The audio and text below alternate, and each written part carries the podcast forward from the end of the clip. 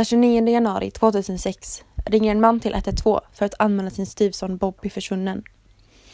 Bobby sägs ha rymt från sin mammas och styvpappas bil medan de var inne och handla. En sökinsats efter Bobby drar igång, men han hittas inte. I själva verket ligger en helt annan historia bakom Bobbys försvinnande. Knappt två veckor innan larmcentralet från styvpappan blir en oskyldig liten pojke misshandlad till döds av de personer som skulle vara hans trygghet. Av de personer som skulle ta hand om honom. Bobby rymde aldrig från någon bil. Istället låg han inlindad i ett paket på botten av en sjö.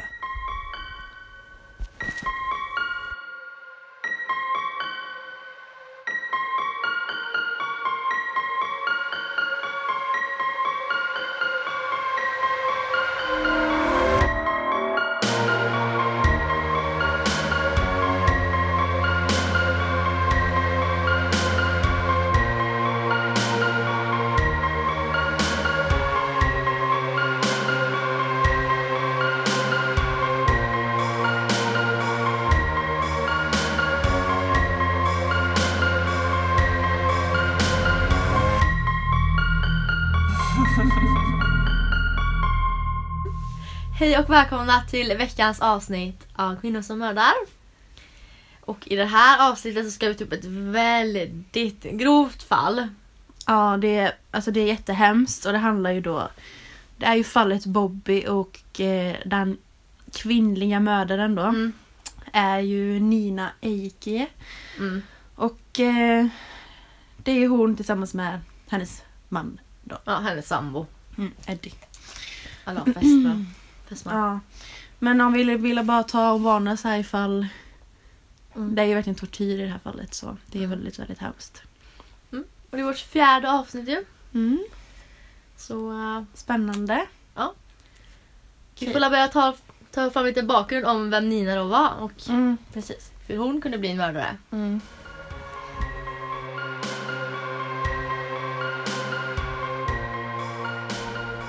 Nina var endast 19 år gammal när hon blev gravid med Bobby. Eh, Bobbys pappa och Nina hade tidigare då ett kortare förhållande under 1994. Men paret gjorde snabbt slut. De hade dock kontakt under både graviditeten och när Bobby föddes den 12 mars 1995. Eh, när Bobby hade, föddes, hade fötts så bodde Nina tillsammans med sin son då Bobby och hennes mamma. Men fick till slut en egen bostad. Bobbys pappa och Nina tappade kontakten när hon träffade en ny kärlek som då var Eddie Larsson. Tio år efter Bobbys födelse flyttade Nina ihop med Eddie. Och det här var då till en mindre gård i Nässjö kommun. Mm. Och så redan vid ung ålder så upptäckte de då att alltså Bobby har liksom några funktionsvariationer så att säga. Och utöver att han föddes med gomspalt så hade han också Fragile X-syndromet. Mm. Och det här syndromet gör då att barn alltså blir ofta generellt mer... Det tar lite längre tid för dem att utvecklas. Till exempel så kan de börja, börja prata lite senare än andra barn då. Och det visar också Bobby då för att han var väldigt tyst och blyg och ja, en försiktig kille helt enkelt. Mm. Och eh, Bobby han gick på en skola med eh, likasinnade barn som också ja, men, hade väl också... Någon funktionsvariation Mm. liksom. Och, eh, men det var där som han började öppna upp sig för omvärlden. Han skaffade kompisar, var omtyckt av lärarna och hade ändå lärt sig mycket saker där på skolan. Mm. Men så generellt sett så utvecklas ju barn med en sån här syndrom då långsammare. Och har ofta hyperaktivitet vilket då innebär att man är extremt aktiv och ja, men ganska krävande barn för föräldrarna. Och eh, på grund av det här då så fick Nina och Bobby en stödfamilj som Bobby kunde vara med var tredje helg. Och stödfamiljen upplevde dock som att alltså Nina egentligen skulle behövt mer hjälp med Bobby, alltså mer frekvent hjälp. Mm. Och eh, ja, typ stödmamma, men jag ska säga upplevde typ att Nina inte riktigt visste hur hon skulle vara en mamma. Utan hon kanske skulle behöva mer hjälp och stöttning med det också. Mm. Och eh, nu om vi går tillbaka då när Nina flyttade ihop med Edith på den här gården då. Mm. Så flyttade Bobby inte med först utan med sin mamma då utan han bodde kvar hos sin mormor. Men det dröjde inte mer än en månad innan Nina hämtade upp Bobby och hon, hon ville ha med sig sin son till den nya sambon. Mm. Och det var lite så här Bobby ville typ inte, egentligen inte riktigt. Han ville typ bo kvar hos mormor bara för det var väl hans Trygghet Ja. liksom. trygga punkt just då. Mm. Men samtidigt så är det väl klart att mamman, en mamma vill väl ha sin son med sig. Ja det är hon som har det slutgiltiga liksom. Mm, precis. Men stödfamiljen fick inte reda på det här. Utan de hörde ju själva av sig till kommunen och bara... Så här, vet ni om det att de har flyttat liksom? För de bytte ju kommun då. Mm. Och de ringde också Nina då som fick som ofta typ gav sig lite oklara svar. För de ville ju träffa Bobby Bobby var väldigt omtyckt i för stödfamiljen. Alltså Mm. det var som en extra son helt enkelt. Ja. Och det var först, det var lite så här. Nina sa typ kanske till jul. Men så blev det ju inte då. Nej. De fick ju inte träffa honom även fast det var det de väldigt gärna ville så de ville ju veta så här, mår han bra, är han okej, Mm. hur har han det i det nya huset och liksom allt sånt. Ja de kämpade väldigt mycket med att få träffa honom men Ja. samtidigt så kan ju inte de lägga sig i. Nej, det är ju inte deras. Alltså, de är Nej. ju stödfamilj och då, Mm. om inte Nina vill ha stödfamilj längre så... Mm, det är frivilligt att ha en sån här familj Ja. liksom. Men eh, vem var då Eddie? Han var Ninas sambo då som var dömd för flertal våldsbrott sen tidigare. Till exempel så har han blivit dömd för två grova fall av våldtäkt. Han har också haft mycket grova porrfilmer hemma. Och är intresserad av sadomasochism. Mm. Precis. Ja. Och det är typ då en sexuell relation mellan två eller flera personer där sadism är inblandat. Och en dominant och en Säger man passiv eller subs... Eh, vad heter det? Undergiven typ. Ja, undergiven kan man väl säga. Mm. Och den dominanta får då njutning av den andra smärta, alltså sadism. Mm. Och det är typ som BDSM fast nästan, Grövre. Ja, nästan Mm. grövre än BDSM helt enkelt. Ja. Och eh, en kvinna som då har bott ihop med Eddie tidigare eh, säger att han har varit väldigt våldsam i, ja, men, i sexuella sammanhang. Ja. Och eh, gjort saker utan hennes godkännande. Att hon blivit tvingad att göra saker och att om hon inte skulle göra de här sakerna skulle hon bli slagen. Och sen hade även den kvinnans son bestraffats av Eddie. Och Eddie hade till och med hotat med att han skulle göra väck med sonen. Mm. Och det var ju den här kvinnan som också anmälde Eddie då. Ja, Så det är ju ett av de fallen för våldtäkt typ, som han åkte dit för då efter det här. För Ja. Hon hade ju inte hennes... Alltså hon, ville, hon var inte med på det hela helt enkelt. nej. Men efter de här fängelsestraffen så flyttade han till en mindre gård. Och det var då den i Nässjö kommun som även Nina flyttade till senare. Mm. Eh, grannarnas första intryck var då att han var, han verkar vara ganska trevlig och normal. Men typ att han senare blev mer aggressiv och aggressiv. Han bad om pengar. Mm. Alltså väldigt så här manipulativ människa liksom. Ja.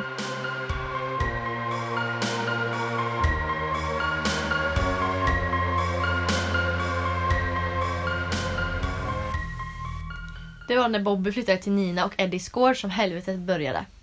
Nina och bonuspappan sjukanmälde Bobby ifrån skolan väldigt ofta. Helt utan förklaring till lärarna. Eller en falsk bortförklaring om att han var sjuk eller liknande. Men troligtvis så var han då hemma på grund av kanske blåmärken. Eller för att Nina och Eddie skulle straffa honom. Mm. Eh, så fort Nina och hennes sambo Eddie tyckte att Bobby hade gjort något fel så skulle han straffas för det. Mm. Och eh, allt, det, det kunde vara allt från en blick att Bobby bara hade kollat lite konstigt eller som Mm. de enligt dem då. Eller att han började gråta. Och för det då skulle han straffas. Eh, och Nina med hjälp utav Eddie, styvpappan, gav Bobby stryk nästan varje dag. Med bland annat vedträn mot hans kropp, elchocker mot händer, fötter och även hans, även hans könsorgan. Mm.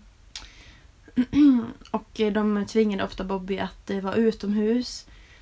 Ibland naken och ibland fick han ha till, tillåtelse att ha kläder på sig. Men det här var också då...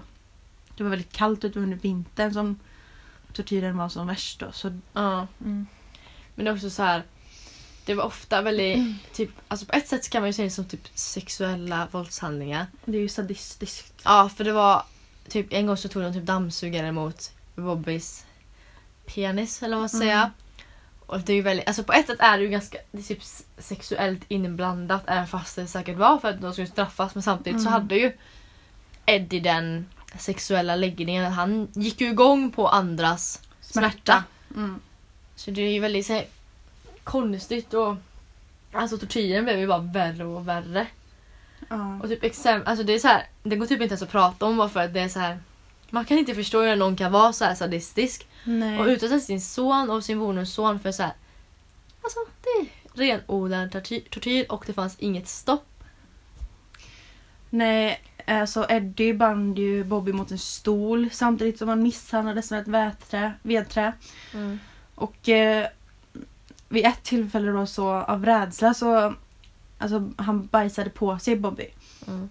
Och det Eddie gör då är ju att ta kalsongerna och trä dem över Bobbys ansikte. Mm. Och då säger han också, kommer det fram i- förhör då, att det är så man gör mot hundar. Alltså att han, Att han jämför inte- Bobby ja. med en hund. Liksom han avhumaniserar honom. Mm.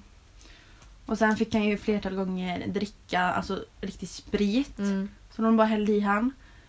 Och han fick även äta kattmat emot hans vilja och började han gråta i de här tillfällena så blev det ofta bara ännu värre. Alltså Mm. då fick han mer tortyr mot sig. Mm. Så han lärde sig ju att hålla inne tårarna bara för att det Ja. inte skulle bli värre. Och i slutet också så... Efter, misshandeln blev ju så himla jobbig. Så då brukar han ofta typ sova bland hönsen liksom, utomhus. Bara för att han var rädd för sina, sin mamma då, och sin bonus pappa. Men ofta så var både Nina och Eddie väldigt alkoholpåverkade, alltså berusade i samband med misshandeln. Och det var de då även den dagen som Bobby mördades. Mm. Och det är den dagen Bobby blir misshandlad för sista gången. Det är den dagen som han också dör eller blir mördad. Mm. Och det är den 14 januari 2006. och den här dagen då så blir han tvungen att lägga sig naken. Och då var det snö ute så då blev han tvungen att lägga sig naken i det kalla. Och eh, han blir väldigt han blir kraftigt nedkyld då. Mm. För Eddie han skyfflar snö över Bobbys kropp. Sen försökte han ta sig loss, då tog det bara mer snö och... Ja, han trycker ner honom i snön och han tar, han har foten så här mot hans bröstkorg. Det var massa så också att han... Typ Bobby sa att han var tvungen att kissa och sen så kunde han inte kissa för han kanske var så rädd. Eller så ville han bara undgå liksom misshandeln en stund och då blev det ännu värre för då skrek Eddie på honom och bara varför kissar du inte? Alltså, då var det små grejer som blev så himla himla stora. Alltså för bara någon annans njutning helt enkelt för det finns typ ingen annan förklaring. Ja. Men den här dagen, han lämnas ju ute i snön. så när de tar in honom igen så är han ju nästan alltså, livlös. Alltså han är jätte nedkyld och helt förstörd. Mm. Så då lägger de han i... Och Hans- tejpar fast honom. Ja, Vid vedkaminen, typ en, alltså på en stol och så tejpar de fast honom. mm, så han ska tina upp. Ja, precis. Men då blir han... Han tappar... Tuppar av. Han blir medvetslös. Ja, det blir han i sängen sen. Ja. I hans egna säng. Det är då han... eh, Alltså det är då han liksom... Eddie och Nina kommer upp senare och då märker de typ att han är död. Mm. Eller så han andas inte. Han, de, han svarar inte när han, de säger godnatt. Nej. Då går de och kollar så här, vad har hänt. Mm. Och då påbörjar de också, eller av vad de själva har sagt då, HLR. Mm. För att göra ett sista försök för att rädda Bobby då. Men det visade sig sen att han, den fasta dödsorsaken var då inte att han egentligen frös ihjäl utan det var för att Nej. han kvävt av sina egna spyor i sin ensamhet då. Mm. Han hade blivit lagd så här, rakt upp och ner. Mm. Och då, om man sen börjar spy så, alltså, då Ja. kommer det inte upp. Då... Han svalde sina egna spyor Ja. i lungorna liksom. Men eh, ja, Nina och Eddie de visste inte vad de skulle göra med Bobbys kropp. De ringde ju inte 112 eller något sånt som Nej. kanske normala människor hade gjort ifall det nu inte var meningen att döda någon. Men de eh, förstod att de behövde dölja det här på något sätt. Mm. Så först förvarade de honom under hö i deras lada. Men sen då bestämde de sig för att ta kroppen eh, och lägga den i bilen för att dumpa den någonstans. Och det var då andra gången för de gjorde ett försök innan och bara hittade en plats liksom. Mm. En dumpningsplats men de hittade inte den och sen så gjorde de ett ytterligare ett försök och det var då de hittade Lovsjön då. Mm.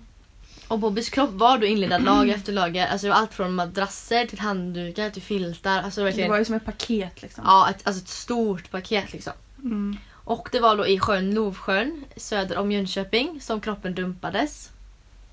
Och det var ju då vinter så låg, då låg det självklart en tjock is över den lilla sjön. Men de borrade då ett hål som de sedan kunde dumpa Bobby i. Mm. Och det här han ju frysa på igen alltså in efter, efter han Ja, hittades. precis. Men eh, Bobby var ju sjukanmäld från skolan hela Mm. december. Nästan hela december. Ja. Ehm, det var ingen som visste någonting om hur han mådde. De sa allt från att han hade haft magsjuka eller alltså influensa. Och ingen hade sett honom under hela den månaden förutom en gång när en av grannarna kom för att låna en mutter. Mm. Vi hoppar fram lite i tiden då. Så ringer Eddie efter två. Den 29 januari 2006. Och där uppger han då att hans bonusson har försvunnit medan det var inne och handlade. Ska vi se, det var utanför, det var vid Bäckebo i typ Göteborg. Mm. Tror jag det var. Ja. Och polisen kommer då nästan direkt till platsen och sökandet påbörjar direkt efter Bobby. Men inte visste de att Nina och Eddie höll en här mörk hemlighet om att Bobby redan var död. Nej. Och då kom ju även, alltså polisen förhörde ju även stödfamiljen i de här förhören nu när de började, ja men de ville ju hitta Bobby. Och eh, där säger ju de stödfamiljen, de kände ju Bobby väldigt bra. Mm. Och de säger ju att han skulle aldrig våga lämna en bil. Han, är, alltså han hade aldrig gått ur en bil och liksom gått och gömt sig någonstans för han var så skygg och blyg liksom. Mm. Alltså de vet att han skulle aldrig göra något sånt. Han skulle aldrig våga öppna bilen och gå ut. Alltså han var verkligen... Han var jätteförsynt och liksom verkligen så här tillbakadragen. Så de visste ju så här, han skulle aldrig göra det där. Mm. Och det var ju då polisen bara, okej någonting, det kanske är någonting som inte stämmer här riktigt. Mm. För det fanns inga naturliga förklaringar till varför han skulle lämnat. Och det fanns ju inte heller några tecken på att Bobby var vid liv. Nej. Så därför väljer de då typ att påbörja en, alltså en mordutredning eller vad man ska säga. Mm. Dels för att de ska få mer resurser men också för att de förstår att någonting inte stämmer riktigt med det här försvinnandet då, eller vad man ska säga. Mm. Så åklagaren fattar beslutet om att gripa både Nina och Eddie för eh, skäligen misstänkta för mord mot deras nekande då. Men eh, de höll kvar vid samma historia om att Bobby hade försvunnit vid Bäckebos parkering där i de första förhören. Mm. Men flera förhör senare, till och med nästan förhören är slut, så ringer Ninas advokat och säger att Nina vill ha ytterligare ett förhör till. Mm. Och det är då en ny historia uppkommer. Helt plötsligt berättar då Nina att Bobby aldrig var vid Bäckebol. Han var inte ens i Göteborg liksom. Nej. Hon ville visa var han fanns någonstans, men att han var död. Och då när kroppen sedan hittades i Lovsjön så blev de häktade för sannolika skäl misstänkta till mord. Mm. Och trots då att kroppen är hittad, de har hittat Bobby, så nekar både Eddie och Nina alltså att de har gjort det här, att de har mördat Bobby. Mm. Och det, de skyller på varandra och säger... Alltså de säger, Nina säger att det var Eddie som var den drivande medan Eddie säger att uh, Bobby ramlade i trappan eller att Nina hade slagit honom. Mm. Och, Eh, Det var väldigt mycket av det här offret. Typ man bara, nej, alltså jag försökte få Nina att inte slå Mm. honom. Men vad ska jag göra? Det är ändå hennes barn. Alltså typ lite så. mm. Medan ja, Nina var ganska tydlig med att hon typ själv hade gjort fel men att det var Eddie som var den Mm. drivande och hon blivit hotad också. Ja. Och det säger då också Nina i förhör att hon gjorde några alltså, försök och försök men det var lite så det är inte ens försök men alltså, ja ni förstår. Alltså hon försökte typ sätta stopp på tortyren. Mm. Men hur mycket kan hon försökt egentligen för hon borde väl kunnat lämna eller vad som helst Ja. liksom. Och Nina slog själv Bob, eh, slog Bobby själv ibland och försökte stå mjukt. Mm. Det var hennes försvar då. Ja, jag, Ja. jag slog han men jag, jag slog han mjukt. Mm, nu var mjukt där. Men då blev Eddie arg och hotade med henne om värre saker om hon inte försökte eller så här, fortsatte slå Mm. honom hårdare. Men samtidigt så har ju då som sagt Eddie på sig offerkoftan och säger att han försökte stoppa Ninas våld. Det var, han är offret i den här situationen. Han är liksom. hjälten liksom. Ja, Han är så här, nej jag har inte gjort någonting. Det var ju Nina och Mm. jag försökte stoppa henne. och typ man fick höra så här inspelningar från förhören. Då säger också Eddie typ att Alltså bara "Ah, nej det var Nina som tog ut honom i snön och bla bla bla. Men då säger farsan bara så varför gjorde du inte någonting? Nej. Alltså så här, om det nu var så varför, varför försökte du inte rädda Bobby? Han bara nej men jag vill inte lägga mig i. Man bara så, Nej. det, bara, det handlar om ett liv. Alltså det, är inte så här, det handlar inte om att lägga i sig eller lägga inte i sig. Alltså det handlar verkligen om liv. Mm. De fattade att de trodde ju mer på Nina för hennes historia var ju mer pålitlig liksom. Och för att den var självkritisk. Ja. Till skillnad från Eddish. Eddis. Yes.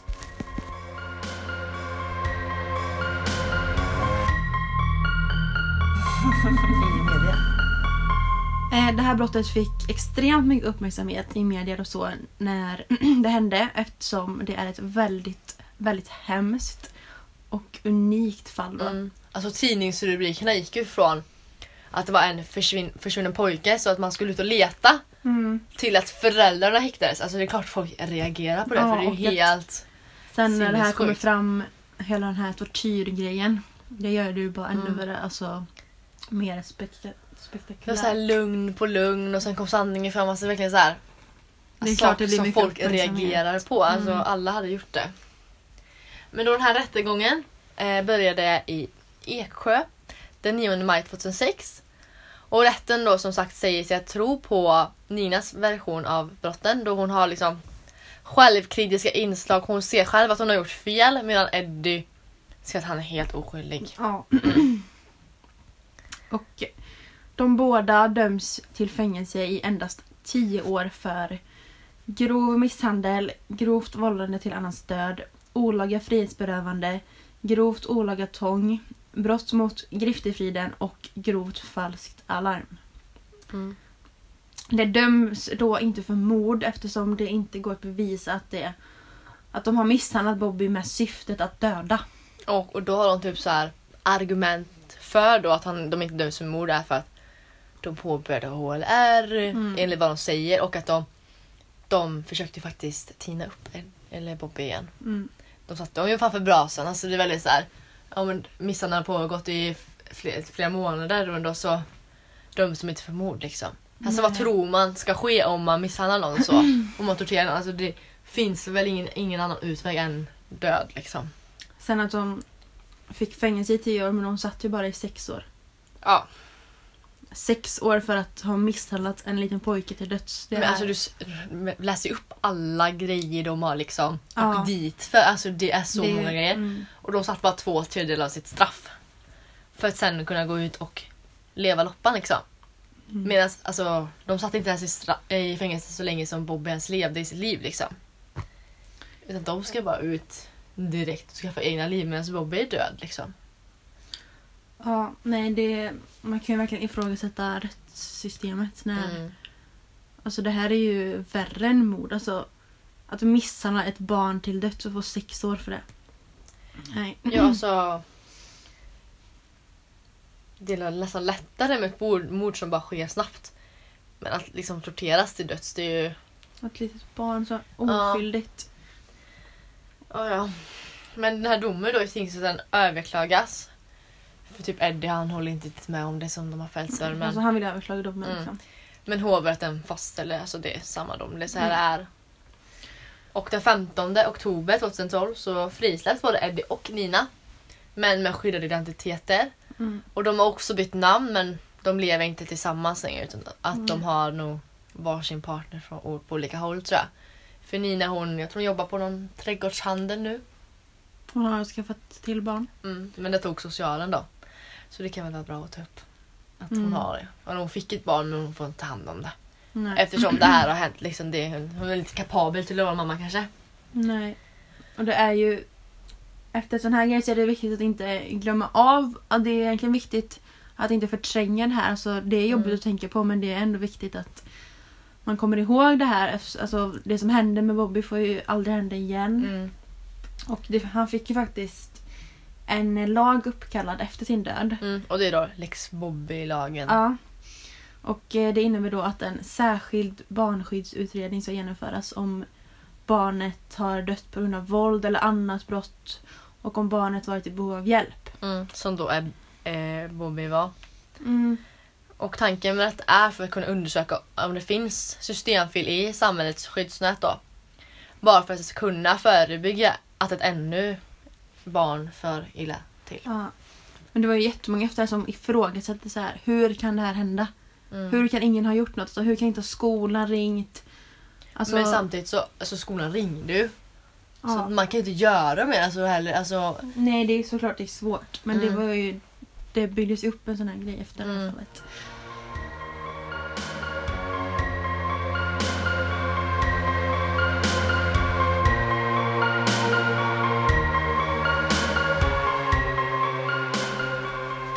då är ju egentligen frågan varför mördade Nina och Eddie då Bobby? Vad Mm. tänker du på den?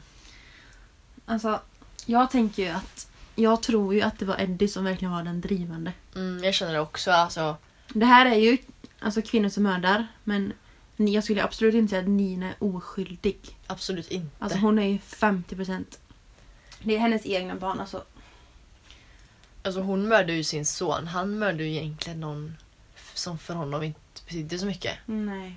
Alltså det var hennes egna kött och blod liksom. Alltså jag Men- tror, för det första tror jag att Nina var väldigt manipulerad av Eddie. Mm. Och var rädd. Osäker på sig själv, på sin roll som mamma. Hon kände ju aldrig riktigt någon egentligen mammakontakt till Bobby heller. Nej, hon kände De är- typ att Bobby var lite mer som en bror. Ja. Hon var ju väldigt ung när hon fick Bobby också så det är väl lätt att det kan bli så men Sen Nej. är det ju, man kan ju inte förneka att det är jobbigt med ett barn som har funktions, någon funktionsvariation. Alltså Nej. det är klart inte man ska mörda barn för det, alltså, det går inte ihop men det, är, det krävs mer som förälder att ha ett barn med funktionsvariation.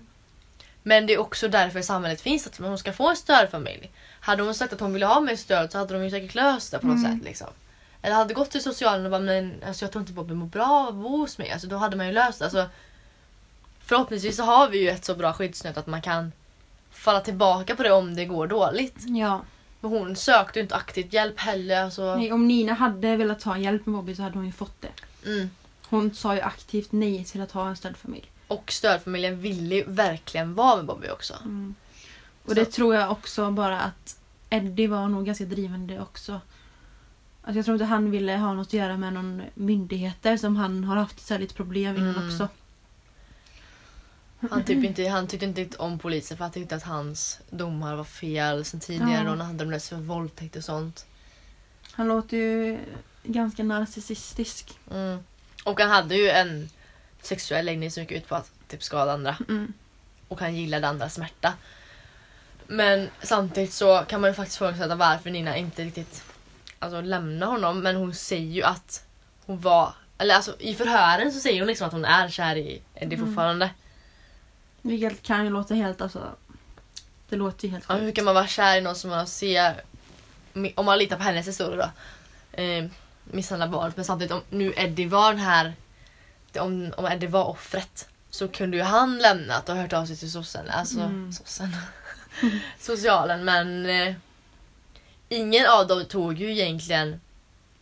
Alltså teorin till praktiken jag måste säga. De gjorde inte handlingar utan Nej. deras så kallade tänkande då enligt förhören. Så de är ju verkligen 50-50 delaktiga i det här mordet. Ja, alltså om de hade velat lämna någon av dem så hade de kunnat göra det. Alltså det hade räckt med att Nina, Nina hade ringt Ett den här samtal. Ja. stödfamiljen och bara sagt så här. Bara hjälp, bara hjälp, lägg på. Alltså bara Ja. gett ett litet tecken på att någonting var fel så hade de gjort någonting. Mm. Så det... De, har ju, de är absolut skyldiga båda två. Det tycker jag verkligen. Ja, så de skulle kunna dömas för mord tycker jag. Mm. Det är verkligen mord. Att det känns ju lite sjukt att de, att de går ut och lever egna liv nu när de har liksom förstört ett De har stoppat liten hans pojkes liksom. liv. Och en sak som visade så i de här eh, rättspsykiatriska undersökningarna är då att Nina eller Eddie, alltså inte någon av dem var psykiskt sjuka vid den här tidpunkten då för brotten. Nej. Och då är det väldigt svårt att se vad det finns för förklaringar för det är verkligen så här. Eller motiv ja, för, på ett sätt mordet. alltså har Eddie då ett endast ett sexuellt syfte. Att han tycker om att skada folk. Är det hans enda syfte, motiv för det här mordet så känns det väldigt konstigt. Men Alltså han fick ju sexuell upphetsning av att se andra skadas. Ja, men det är också väldigt svårt för att... Är det den enda förklaringen? Alltså kan man verkligen driva så långt? Om, man nu inte, om inte någon av dem var psykiskt sjuk, alltså någonting är ju fel. Alltså de är ju galna. Alltså vissa Mm. människor är bara onda och det, det här är väl antagligen båda dem. Och det här är väl ett sånt fall där båda är liksom genom onda. Mm. För det är mycket lättare på andra när det är så här, pengar, svartsjuka men nu är det verkligen bara så här. Alltså, konstigt. alltså, är det verkligen enda anledningen Alltså Bobby är ju så mest oskyldig det bara går att bli. Han har inte gjort... Alltså det finns ju ingen egentligen orsak till att döda honom eller skada honom. Alltså det finns väl aldrig egentligen men speciellt inte i detta fallet för det är så här. Nej, det är ett helt sjukt fall. Alltså han var ju bara ett väldigt lätt offer för Eddie för Ja. han kunde inte säga till någon. Han kunde inte ringa polisen och... Alltså han vågade ju inte det. Alltså han var ju det perfekta offret att tortera för Eddie. Det är helt sinnessjukt. Mm, det här är verkligen Alltså det här är ett av de ett av- värsta fallen. Ja, så det är som- säkert som vår podd ens kommer inte upp någonsin typ. Mm. För det finns Alltså det finns ty- typ ingen förklaring heller. Alltså allt är bara Hemskt. Allt bara oklart för det finns verkligen ingenting Alltså det går typ inte att bortförklara det här så det är bara, så här, det bara suger. Alltså på riktigt. Mm. Det är bara galna människor. Alltså Bobby kom verkligen till- till fel familj liksom. Mm, han förtjänade bättre. Ja.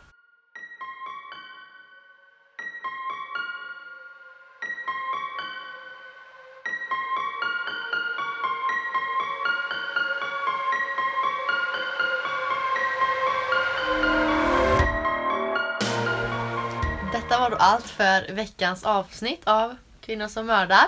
Mm, hoppas ni tyckte det var intressant även om det var väldigt hemskt. Mm. Så är det ändå viktigt att prata om som sagt. Mm, man får inte glömma av det som har hänt Bobby. Nej. Men eh, ja, vi ses väl om två veckor då. Jajamän. Hej då. Hej då! Informationen till det här avsnittet är hämtat från Krimfall, Wikipedia och P3 Dokumentär. Samt artiklar från Aftonbladet och, arti- och eh, Expressen. Tack så mycket för att ni har lyssnat.